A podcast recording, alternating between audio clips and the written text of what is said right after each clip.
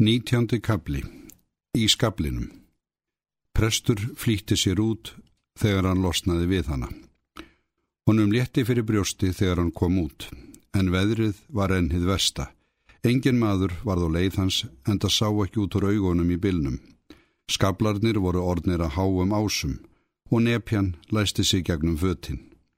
Prestur hljóp þar sem snjóin hafði skafið burt og braust knálega fram í sköblunum. Hann fann að þetta var kvíld en einhver staðar inn í áreinslu gleimskunni lág eins og þungur nöys meðvutundin um það að hann hlakkaði ekkert til þess að koma heim til sín inn úr bylnum og þá myndu dabrar hugsanir koma aftur og aftur og aftur, læðast fram úr fylsnunum þegar minnst varði og belgja sig út og skikja á ljósið. Hvað var þarna í skablinum, rétt fyrir utan húsið sem prestur átti heima í? Næri lág að hann ditt um það. Vindurinn hafði slögt götuljósinn, eins í kérinu sem var þarna við húsið eins og öðrum. En skímu bara úr glugga úti á skablin og nú rofaði ofurlítið til eða vindurinn nöyt sinn ekki þarna milli húsana. Teki var að skebli við þetta sem þarna lág. Prestur fór höndum um það. Maður var það, Guð álmáttugur, hvern maður? Prestur tók höndum undir axleitnar á henni og reisti hann upp. Hún var steinsofandi og vínþefurinn gaus framann í prest. Og þetta var sigurlög.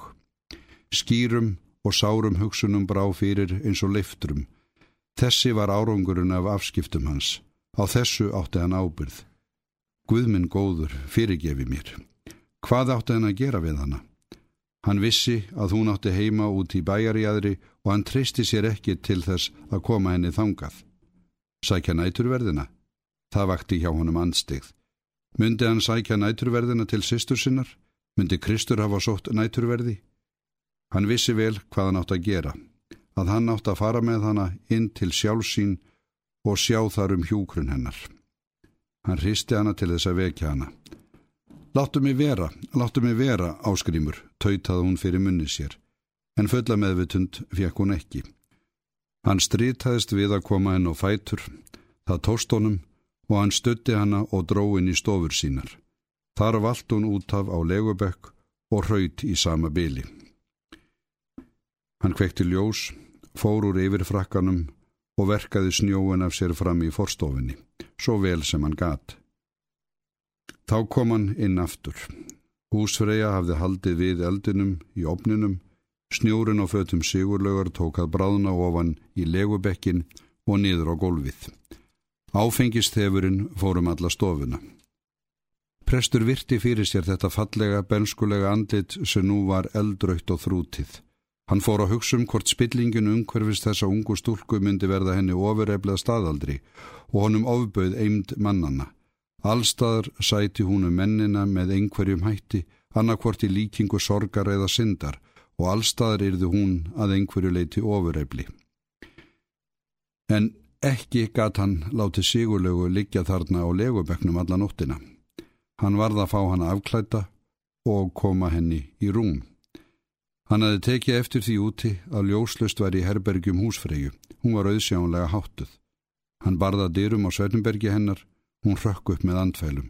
Hver er þar, kallaði hún úr rúminu. Prestur sagði til sín og sagði að sér lagi á að fá að tala við hanna. Þegar hún kom fram til hans skýrði hann henni í stuttumáli frá því hvernig ástatt værum sig. Hvað segir þér sér á Þorvaldur? Komin hingað inn með drukna stúlkum hánótt, meldi húsfreyja og var heldur styggi í bræði. Já, hún liggur í legubeknum þarna fyrir handan hjá mér. Og hvað ætli þér svo sem að gera við hana? Byðiður að afklæða hana og koma henni í rúmið mitt. Koma henni í rúmið yðar.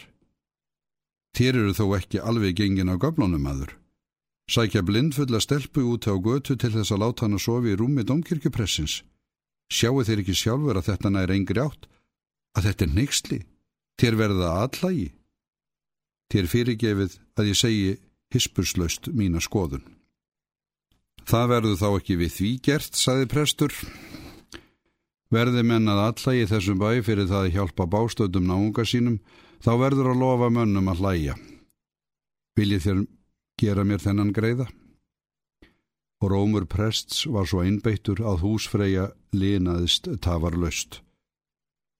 Hvar ætli þér að vera sjálfur, spurði hún. Það hafði hann ekkert hugsað um. Ég get verið á fótum eða halla mér út af á legubekkin. Nei, það gerir þér ekki sér að þorvaldur. Þessu ræði ég nú. Þér farið ekki eitt fett inn til þessara stelpu í nótt.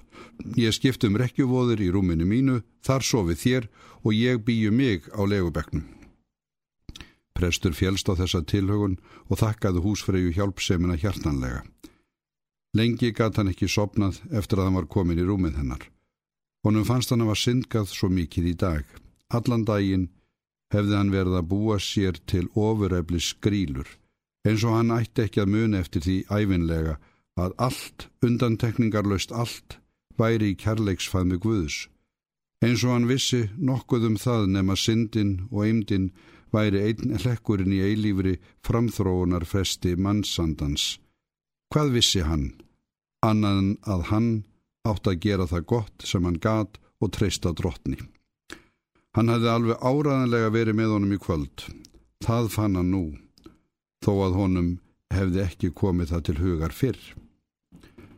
Og hann tók að byggja byggja fyrir sjálfun sér og honum ætti auðnast að varast að spilla þrótti sínum á fánítum áhyggjum, byggja fyrir grímsa, byggja fyrir sigurlegu, byggja fyrir öllum smælingum bæði þeim sem vissu að þeir væru smælingjar og eins fyrir hinnum sem væru fullir af stærilæti.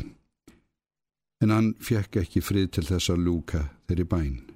Nýr ströymur kom upp í hug hans og með honum barst Ragnhildur þóttafull og indisleg. Fyrir skömmu hafðu vonir hans farið í þá átt að hún gengi til kvílu og hans heimili og nú var sigurlega hátta þar, dauða drukkin. Honu fannst þetta næri því hlægilegt en jáfnframt svo óumræðilega napurt og sárt og honu láfið að gráta. Verði þinn vilji svo jörðu sem á himnum. Ekki eins og ég vil, heldur eins og þú vilt. Var það ekki aðsta spekinn? Og var það ekki eina hugunin? Með þær spurningar í huganum sopnaði hann.